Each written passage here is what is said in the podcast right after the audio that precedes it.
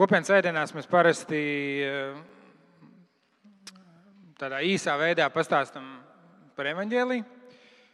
Un šodien to jūs arī no manis dzirdēsiet. Tāds īsts izaicinājums, un šodien mēs ļoti par tādām praktiskām lietām runāsim. Un, un kopienas sēdienās parasti ir arī liecība, un arī šodien to jūs dzirdēsiet no manis. Bet uh, visam savs laiks šajā dzīvē, um, šajā, šajā dievkalpojumā. Un pagājušajā svētdienā, kopienas svētdienā, mēs runājam par, par identitāti. Mēs runājam par to, ka mūsu kā kristiešu identitāte izriet no tā, kas ir Dievs. Un mēs ticam trīsvienīgam Dievam, Tēvam, Dēlam un Svētajam Garam. Tad mēs, mēs esam ģimene, jo mums ir mūsu dabas tēvs, kurš ir atkal pieņēmis mūsu savā ģimenē caur Jēzu Kristu. Mēs esam kalpi, jo Kungs Jēzus Kristus caur savu upuri mūs ir atpircis. Un mēs esam misionāri, jo Dieva gars mūsu vada piepildīt to, ko Jēzus nāca iesākt šeit uz šīs zemes. Tā ir mūsu identitāte. Tam vajadzētu ietekmēt to, kā mēs eh, veidojamies, kā mēs augam, kas mēs esam. Bet svarīgi, ka mūsu identitāte mūsu prātos nekļūst kā tādas eh, drēbes, ko ik pa laikam uzvilkt bet kas tomēr pārsvarā stāv skapī. Tās var būt pat mūsu mīļākās drēbes, bet reizēm tās, mūsuprāt, nav gana praktiskas. Izskatās jau gana labi, bet ikdienā tomēr gribas kaut ko ērtāku. Varbūt mums liekas, ka kādā konkrētā gadījumā šīs drēbes neiederēsies, un, un tad tās vajag novilkt un atstāt. Un... Vai varbūt tik ļoti mums tās drēbes patīk, ka mums negribās tās novalkāt. Ja mums negribās, ka tas kļūst nu, par kaut ko tādu tik ikdienišķu, ka mēs to atstājam um, tādiem īpašiem gadījumiem. Un, man liekas, kopienas sēdienas ir, ir tāds labs atgādinājums tam, ka dzīve ir um, angļu valodā tas vārds mesija, sajukuma pilna. Dzīve nav tāds, uh, tāda lineāra progresija, kur viss tikai ir arvien labāk, un skaistāk un skaidrāk un, un, un, un, un brīnišķīgāk un vieglāk. Bet ka dzīve patiesībā visu laiku nu, met dažādas izaicinājumus.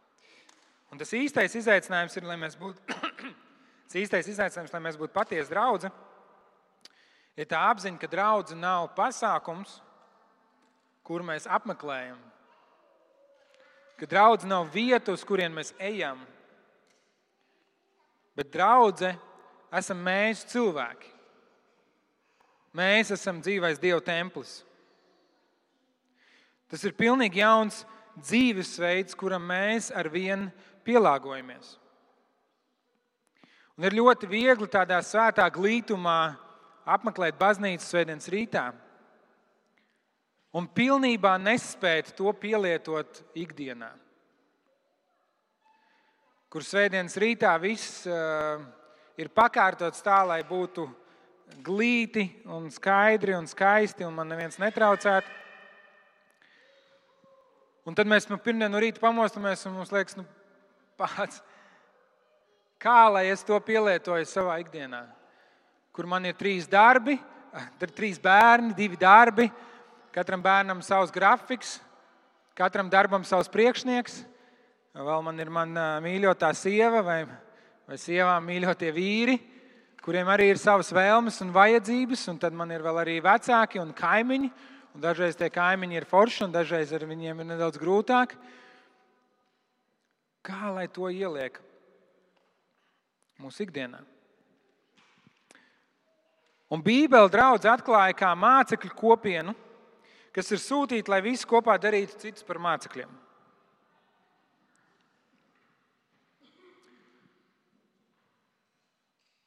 Un nav iespējams. Es atkārtošu vēlreiz, un es domāju, ka būs kāds, kurš teiks, ko tu ar to domā, nav iespējams. Bet nav iespējams dzīvot autentisku kristiešu dzīvi, ignorējot šo identitāti ignorējot šo ikdienu, ignorējot šo patiesību. Nav iespējams.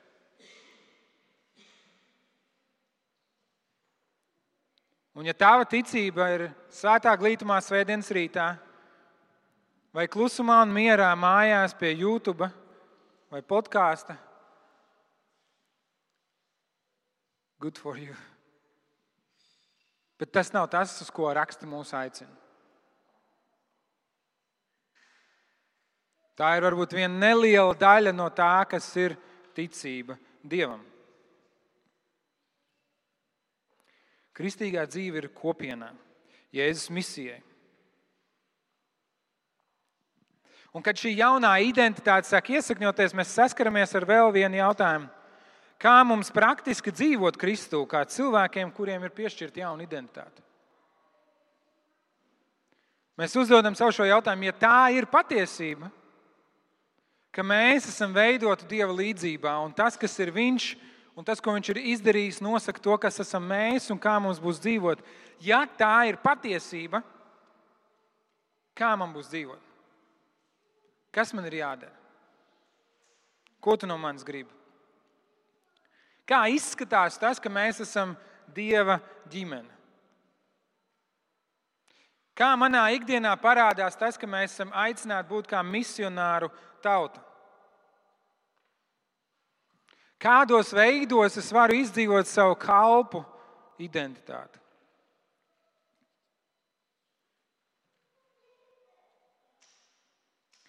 Un tāpēc, ka tā ir identitāte, tas ir tas, kas mēs esam, uz ko mēs tiecamies būt, kur Kristus mūs pārveido savā līdzjūtībā. Mums ir jāveido šis tilts no tā, kas es esmu, un uz to, kas man ir jādara. Un, lai palīdzētu rast risinājumu, un, un daudziem no jums tas jau būs dzirdēts, es gribu aplūkot kādu konkrētu darbību sarakstu, kas var veicināt to, ka mēs iesakņojamies šajā jaunajā identitātē. Tā ir identitāte, kas mums ir dota no Dieva. Un tad, kad mēs izprotam to, kas mēs esam, mēs sākam pieņemt lēmumus un pakārtojam savu dzīvi, lai tā atspoguļotu to. Vai arī mēs dzīvojam mūždien tādā spriedzē. Un ļoti bieži mēs, kristieši, dzīvojam tajā spriedzē, kur no vienas puses mēs saprotam, mēs esam kristieši, mums vajadzētu būt tā, bet realitātē ir citādāk.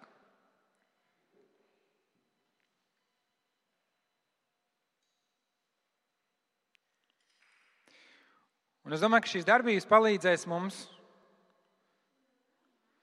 iepazīt, un ja mēs nopietni tam pieejam, ja mēs nopietni uztveram šo ticības jautājumu Dievam, ja mēs gribam atsaukties, kur Viņš mūs vada, ja mēs gribam dzīvot ar Viņa klātbūtni savā ikdienā, tad tas mums palīdzēs arī izveidot ikdienas dzīves ritmu. Un tas, tas, kur es gribu jūs teikt, aicināt, pieslēgties. Ja tu gribi būt tikai klausītājs, labi, sēdi, klausies. Es ceru, ka svētais gars tev var pārliecināt. Bet, ja tu gribi patiesi dzīvot tajā, tad ieklausies un sāc līdzi domāt par to, kādas varētu izstīties tavā ikdienā. Tad dzīves ritms. Viss mūsu dzīve ir pilna ar ritmu. Mēs elpojam ritmiski. Citreiz ātrāk, citreiz lēnāk, atkarībā no kurā stāvā tu dzīvo un cik bieži te ir. Mūsu sirds sitās ritmā, un ja, ja, ja tā izkrīt no ritma, tad, tad, tad ir problēmas, un mēs meklējam ārstu palīdzību. Mums diena ir ritmiska, kur ir kaut kādi noteikti lietas, kas atkārtojas dienu no dienas. Um, citiem no mums ar to veids labāk, citiem mazāk, citiem ir lielāka brīvība, citiem ir jāiekļaujas nu tajā laikā, kas, kas, kas nu kāds viņš nu ir. Bet mēs ceļamies, mēs ģērbamies, mēs ēdam, mēs darbojamies, mēs dodamies, mēs ēdam, mēs atkal kaut kur dodamies, mēs atpūšamies, mēs ēdam, mēs ejam gulēt. Mēs mazgājamies, cerams mēs ejam gulēt. Ja?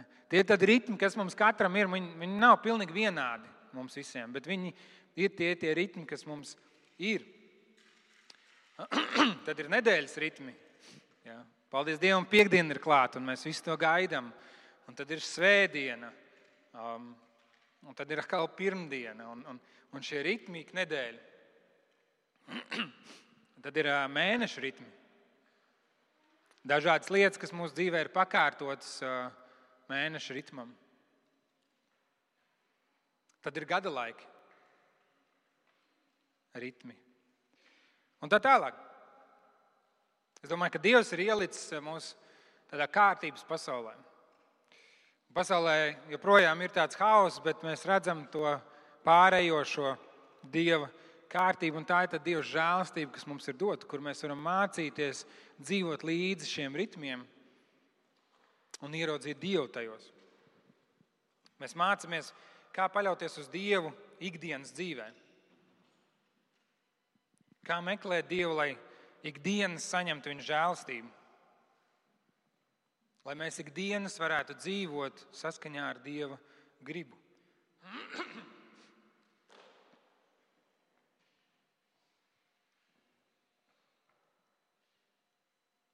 Un tad, kad mēs sākam domāt par šiem ritmiem, tad, kad mēs kā draugi sākam domāt par šiem ritmiem, tad, kad mēs atpazīstam to, ka mūsu dzīvē Dievs ir daudz vairāk un daudz biežāk kā tikai svētdienas rītā, tad mums ir daudz vieglāk pamanīt viņu mūsu dzīvē.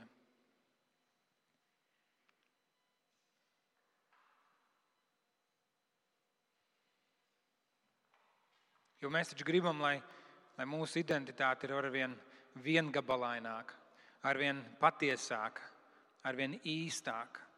Lai mūsu dzīvē nav šis dalījums starp svētdienas rītu un pārējo nedēļu. Lai mūsu dzīvē nav šis dalījums starp manu ticības dzīvi un manu garīgo pieredzi un manu darbu un, un, un realitāti. Es bieži esmu dzirdējis, kā cilvēks saka, es pats tā esmu teicis, saka, ne, tas jau ir labi, ko tu saki, bet realitātē. Ir forši piedzīvot Dieva darbu svētdienā, piedzīvot viņu klātbūtni, piedzīvot viņu pielūgsmē, bet realitātē. Ar to mēs domājam, mūsu ikdienas dzīve, realitāte. Un citreiz cilvēks saka, jā, nu jūs kristieši, jūs jau nu, tur tādā, tādā mākonītī dzīvojat, bet realitātē. Un reizēm mēs paši esam vainīgi tajā, kad ir šis, šis nošķīrums starp ikdienu un realitāti. Bet patiesībā mēs esam aicināti, lai tā realitāte lai dieva realitāte, lai mūsu ticība pārņem visu to mūsu ikdienas realitāti. Un galvenā ideja tam, ka mēs ticam, evaņģēlijas maina visu.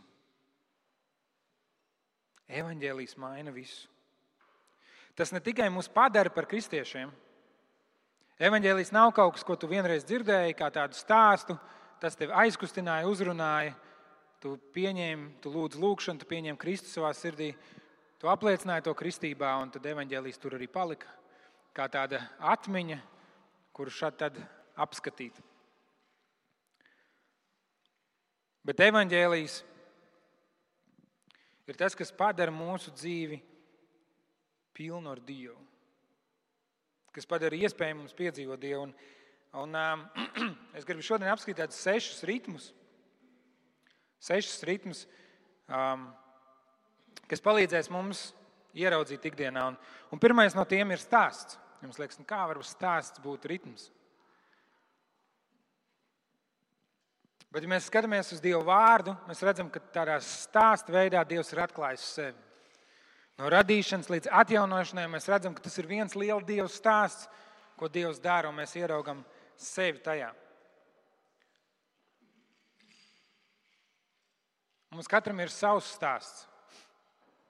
Tā ir daļa no mūsu ikdienas stāsta, no kurienes mēs nākam, ko mēs esam piedzīvojuši, kādi ir bijuši mūsu vecāki, kādi ir bijuši mūsu apstākļi, kādas ir bijušas mūsu izvēles. Mūsu stāsts ar vienu turpinās. Katru dienu mums ir kāds stāsts. Katru dienu Dievs kaut ko dara mūsu dzīvē. Un citiem cilvēkiem ir stāsts. Varbūt viņu stāsts nav savijies kopā ar Dieva stāstu, varbūt viņi vēl neredz sevi šajā lielajā Dieva stāstā, bet viņiem ir stāsts, un, un viņš šo stāstu stāsta. Vienā vai citā veidā mūsu dzīve ir veidota no stāstiem. Un, kad es saku stāsts, es negribu, tā nav tāda izdomāta pasaka vai stāstīņš, ko stāstīt, bet stāsts. Notikums. Un, un, un Jēzus, kad viņš sludina evaņģēliju, viņš stāsta stāstus, viņš runā līdzībās. Stāsts tā ir daļa no mūsu ikdienas. Katram no mums ir stāsts. Un katram no mums mūsu stāsts ir savijies ar citu cilvēku stāstiem. Katrs no mums varam ietekmēt to, kā cilvēku stāsti attīstās. Un kaut kādā mērā Dieva žēlstībā mēs varam arī veidot savus stāstus. Tad pirmais ritms ir stāsts. Otrais ritms, kas varbūt arī neliksies kā ritms, bet klausīties. Ja mēs stāstām stāstus, tad, um, tad lai pamanītu stāstu, pamanītu dievu stāstu um, mūsu dzīvē, lai pamanītu um, dievu darbu citu cilvēku dzīvēs, mums ir jāmācās klausīties. Jēzus klausījās savu tēvu balsī lūgšanā, lai gan viņš ar tēvu ir viens. Mēs esam klausī, aicināti klausīties Dieva balsī. Un tas ir tāds ritms, kas mums ir jāattīst. Ja bieži vien lūkšana mūsu dzīvē nozīmē nu, pateikt Dievam kaut ko no sevis, kas ir labi un svarīgi. Mēs varam pateikt tās sāpes, kas mums ir ilgas, kas mums ir vajadzības, kas mums ir. Mēs varam pateikt savu slavu un pielūgsmu Dievam, um, varbūt to pārplūstošo mīlestību uz Dievu bet ir svarīgi, ka mēs mācāmies arī klausīties. Un mūsdienās tā ir tāda zūdoša prakse, un, un tie, kas no jums man labāk pazīst, jūs varat arī es neesmu labs klausītājs. Mums ir jāmācās klausīties. Lai mēs sadzirdētu tur, kur Dievs jau darbojas, lai mēs sadzirdētu to, ko Dievs dara, lai mēs sadzirdētu, kur Dievs mūs vada. Mums ir jāatvēl laiks, lai aktīvi klausītos, ko Dievs saka šodien. Kad mēs lūdzam, mūsu dienascho maizi dod mums šodien, ja, viens ir tas par to ēdienu, kas mums ir nepieciešams, lai izdzīvotu. Bet kā Jēzus saka, cilvēks nedzīvo no maizes vien, bet no katra vārda, kas iziet no Dieva mutes. Un, mēs lūdzam mūsu dienascho maizi šodien, ka mēs varam apstāties un klausīties Dievs, ko tu gribi man teikt. Tas ir otrais ritms. Un trešais ritms ir ļoti vienkāršs ritms. Mēs šodien arī to praktizējam. Un es ceru, ka mēs eh, kaut kādā mērā to varam attiecināt uz katru svētdienu. Un tas ir svinēt. Svinēt svētkus. Ja jūs lasat veco derību, protams, tur ir daudz dažādu baušļu par upurēšanu un eh, par to, ko drīkst un ko nedrīkst darīt. Bet vai jūs esat pamanījuši, ka tur ir likums, vairāki likumi par vairākiem svētkiem, kas Izraēla tautai ir jāsvin? Sviniet svētkus. Pagājušajā svētdienā es runāju par došanu, un viena no šīm desmitajām tiesām, kas Izraēla tautai bija jādod, bija ar domu, ka tev nevis tā ir jādod kādam, bet tu to paņem un tu svē, svini. Tu svini, tu baudi. Tas ir tas, ko Dievs vēlas mums redzēt, mūsu dzīvē redzēt. ka mēs svinam, mēs ar pateicību nākam Dievu priekšā, mums ir ko svinēt. Vispirms jau mēs svinam Dieva žēlastību, Jēzus Kristus uzvaru pār nāvi. Tas vienmēr ir iemesls, ko mēs varam svinēt. Vienmēr ir iemesls priecāties, un mēs varam svinēt dažādas citas lietas. Un, un šajos svētkos mēs varam ieaicināt viens otru un dalīties savā priekā un svinēt kopā. Šajos svētkos mēs varam ieaicināt cilvēkus, kurus kur Dievu nepazīst. Un es zinu, ka daudz no jums jau to ļoti aktīvi darat. Bet ir brīnišķīgi, kad, kad tev ir kādi svētki. Patiesībā Dieva vārds saka, ka tu neaicini atkal tikai viens un tos pašus cilvēkus, un tad viņi atkal aicinās tevi. Tad veidojās kaut kāda tāda kliķa slēgtā, kur vienkārši uz rīņķa es uzaicinu tevi, tu uzaicini mani, un mums visiem ir labi. Bet Dieva vārds saka, aicini cilvēkus, kuri nepieder draudzēm, kuriem varbūt nekā nav, un kur tev nevar atmaksāt, un kur tev neaicinās atpakaļ ieaicina cilvēku savā dzīvē un, un svin. Reizēm mēs, kristieši, esam tādi grūtsirdīgi. Mēs laikam staigājam to grēku nastu, un mums gribās visiem pateikt par to, cik viss ir slikti, viss ir briesmīgi, cik vēlns ir melns un, un, un cik grēks ir, ir, ir briesmīgs. Un mēs esam tādi angļu valodā, saka, pārtīpūperi, ballīšu izjaucēji. Mēs nenesam sev līdzi prieku. Bet Dievs mums māca svinēt un priecāties. Un mēs redzam par to, ka Jēzus svinēja svētkus. Viņš bija bieži kopā ar cilvēkiem. Ceturtā lieta ir svētīt. Dievs vēlas svētīt jau, jau tad, kad viņš izvēlējās Izraēlu tautu, patiesībā Ābraham pirms vēl tautas, viņš saka, tevī būs svētīts visas tautas. Dievs vēlas svētīt.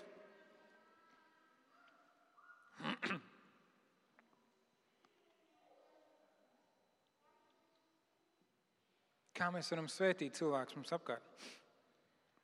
Kā mēs varam cilvēkus iepriecināt, kā mēs varam padarīt viņu dzīvi vieglāku un labāku, kā mēs varam kalpot citiem. Mums būtu mērķiecīgi jālūdz Dievs, un, lai Viņš norāda virzienu, kurus cilvēkus Viņš vēlas, lai mēs svētījam. Un svētība reizēm, nu, mums liekas, nu, svētīt tas ir iedot naudu. Es esmu svētīts. Un reizēm, reizēm to vajag. Ir kāds brīdis, kur Dievs liek sirdī un saka, svētīšu šo cilvēku ar finansēm. Bet svētīt mēs varam ar savu darbu, mēs varam palīdzēt un kalpot. Svētīt mēs varam ar savu klātbūtni. Kādam, kurš ir vientuļš, kādam, kuram ir grūti. Svētīt mēs varam ar padomu, svētīt mēs varam ar lūgšanām. Ir dažādi veidi, kā mēs viens otru varam svētīt un kā mēs varam svētīt cilvēkus apkārt. Dievvvārds saka, ka mēs darām labos darbus, kur iepriekš ir sagatavoti, lai cilvēki tos redzētu un godātu mūsu dabas tēvu. Ja mēs savus labos darbus nedarām, tāpēc mums vajag nopelnīt Dieva žēlstību. Ja es jau visu ir paveicis pie krusta, bet mēs darām labos darbus, jo Dievs mūs mīl. Un tad, kad mēs darām labos darbus, mēs ceram, ka cilvēki tos redzot, ne tik daudz uzslavēs mūsu un teiks, redz, kādi jūs mālači, nu, superīgi. Bet viņi pateiksies Dievam. Viņi pateiks Dievam, paldies, ka ir tāda draudzene. Paldies, ka ir tādi kristieši, kur dara lietas, varbūt, ko citi negribētu darīt. Kā mēs varam svētīt, svētīt cilvēkus apkārt? Vēl viena lieta, kas lielākajai daļai no mums ļoti patīk, un tas ir ēst. Vēl viens ritms - ēst. Mēs visi ēdam. nu, ja mēs ilgi neēdam, tad ir problēmas. Ne? Ēst ļoti vienkārši. Lielākā daļa no mums ēd trīs reizes dienā. Izņemot varbūt citu, kurā vienreiz dienā viņi sāk no rīta un beidz vakarā. Man sieva skatās, man skatās, šito joku jau kāds desmit reizes teicu. Viņš joprojām smieklīgs. Bet ēst. Mēs visi ēdam. Kā ēšana var palīdzēt mums domāt par evaņģēlīju? Nu, pirmkārt, jau ēšana mums atgādina mūsu vajadzību pēc Dieva. Mēs nevaram vienkārši tā zināt, sāēsties kaut kur mēneša sākumā un tad visu mēnesi maukt. Ja. Nu, būt, no vienas puses būtu labi, ja man īpaši nepatīk gatavot, es tikai priecātos. Bet no otras puses man ļoti patīk ēst, man patīk garšīgs ēdiens. Un tas mums atgādina to, ka mēs esam atkarīgi no Dieva. Ja. Un tāpēc mēs arī pasakāmies Dievam par, par Viņa žēlstību. Mēs pasakāmies par to, ka Dievs mums ir dāvājis ēdienu. Bet tā ēst arī ir lielisks laiks, kad veidot draudzības, kad veidot attiecības. Tas ir brīnišķīgs laiks, kad runāt ar cilvēkiem un, un, un, un, un uzzināt par cilvēkiem. Un, um, Jēzus daudz ēda, dažādās vietās ēda. Um, ar cilvēkiem, ar kuriem uh, daudz domā, ka viņam nevajadzētu ēst. Un, uh, tad galda sadraudzība, tas ir kaut kas īpašs un ēšana nojauc kaut, kā, no kaut kādas barjeras. Un par cik mēs to jau darām, vairāk vai mazāk trīs reizes dienā. Vai es gribētu, kas mums atliek tikai izdarīt, ar ko mēs to varam darīt kopā? Es zinu, ka viena no kopienā, kopienām šorīt okupē draudzes virtuvi un ēda kopā. Man prieks, ka jūs praktizējat to, ko Dieva vārds saka. Jā, desmitnieks jums šodien. Maliči. Ēst, bet nopietni. Tas nav tā, nu, vienkārši vajadzēja kaut ko pateikt. Bet caur mūsu ēšanu, caur ēdienu, ko mēs pagatavojam, caur tām sarunām, caur to kopā pavadīto laiku, Dievs ceļ savu valstību. Tam nav jābūt kaut kam pārgarīgam un kaut kam ārprātīgi sarežģītam un dziļam. Un ir jāēd un jāpaļaujas, ka Dievs šīs attiecības svētīs. Un, īpaši domājot par to, kad, kā mēs varam veidot savu galdu lielāku. Ja kas ir tie veidi un vietas un brīži, kur mēs varam pie mūsu galda uzaicināt kādus citus cilvēkus, lai ar viņiem kopā ēstu. Un visbeidzot, pēdējā lieta ir atpūsties. Pēc tam, kad Dievs savā varenībā radīja pasauli, viņš atpūtās. Un viņš atpūtās nevis tāpēc, ka viņš bija noguris, bet tāpēc, ka atpūta ir viena brīnišķīga svētība no Dieva. Tā ir dāvana no Dieva, un mums ir jāmācās atpūsties. Dievs desmit baušļos ielika atpūtu, sabatu. Tev, un teica, tev būs svēto dienu svētīt, un nebūs nekāda darba darīt. Mums cilvēkiem ir baigi sarežģīti ar to, bet tā patiesībā ir tā viena lieta, kur mēs mācāmies Dievam paļauties. Jo vienmēr būs darbi, kuri jāizdara. Vienmēr būs kaut kas, kas vēl nav izdarīts. Vienmēr. Bet, mēs atvēlam laiku, kur mēs sakām, es vienkārši atpūšos, es relaksējos, es daru kaut ko, kas mani piepilda. Un, ja tu esi ļoti introverts cilvēks, es ticu, ka Dievs neļaunosies, ka tu šo laiku pavadi vienatnē. Bet ir forši, ka mēs varam atpūsties kopā ar citiem cilvēkiem. Vienkārši aiziet uz mežu, pastaigā, uzaicināt kādu līdzi, aizbraukt uz pludmali, uzspēlēt volejbolu, um, aiziet uz kino kopā ar kādu. Izveidot grāmatu lasīšanas klubiņu, un lasīt grāmatas un pārunāt tās. Um, audzēt, veidot skaistu dārzu un audzēt puķus un darīt to kopā ar līdzīgi domājošiem cilvēkiem. Šūt un adīt un tamborēt, braukt ar moci, neskaitāmas lietas, kas sagādā mums prieku, kas mūs atjauno, kas mūs piepilda, kur mēs varam atpūsties no tās ikdienas steigas un ko mēs varam darīt kopā, veidojot attiecības, um, piedzīvojot Dieva svētību. Redziet, nu, nav tik sarežģīti. Tās ir lietas, kuras mēs katrs jau darām. Tās ir lietas, jau, kuras ir mūsu dzīvēm. Patiesībā tas pirmais solis, kas mums vienkārši jādara, ir, Dievs, šeit es esmu.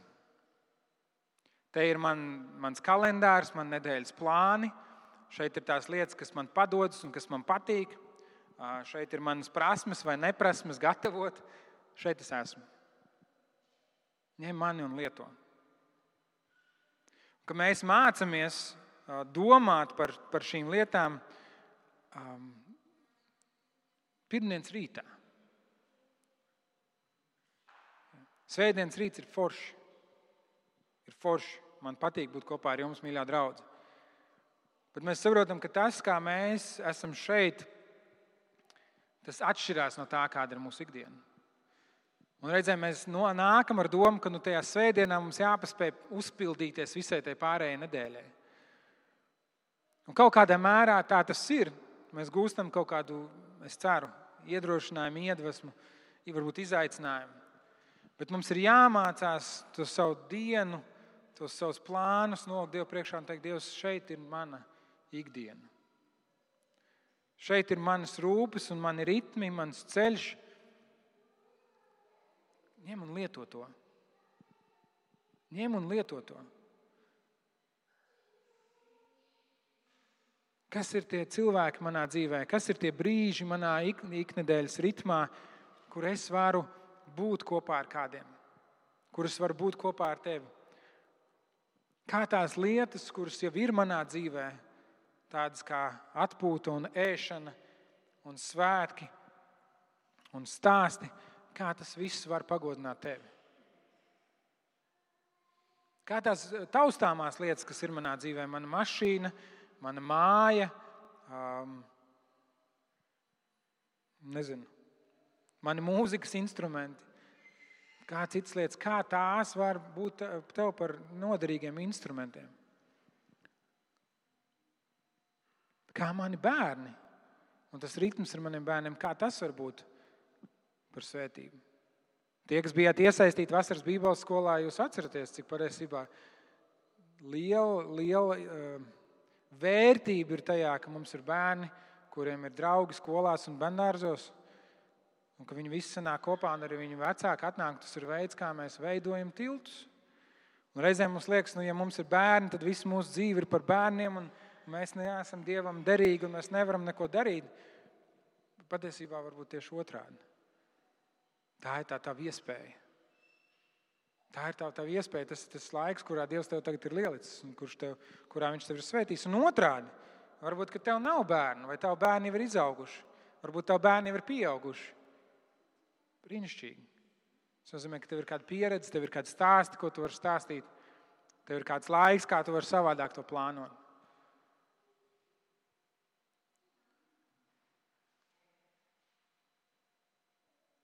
Mums katram kaut kas ir. Un tas, tas kur, kur mēs gribētu mums izaicināt, draugi.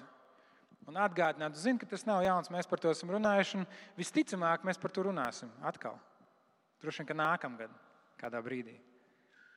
Bet tas ir kā atgādinājums tam, ka tā mūsu ikdiena un tas, kas mēs esam, kā mājvieta, kā draudzene, tas nav tikai šeit, Latvijas ielā 37 ka Dievs mājo mūsu dzīvē, Viņš, viņš piepilda mūsu dzīvi, Viņš ir ar mums. Tā mūsu, tā mūsu atbildība, tā mūsu iespēja un kaut kādā mērā arī mūsu privilēģija ir to piedzīvot un, un, un izdzīvot ikdienā. Un tie ir tie soļi, kuros mēs varam redzēt, kā Dievs darbojas.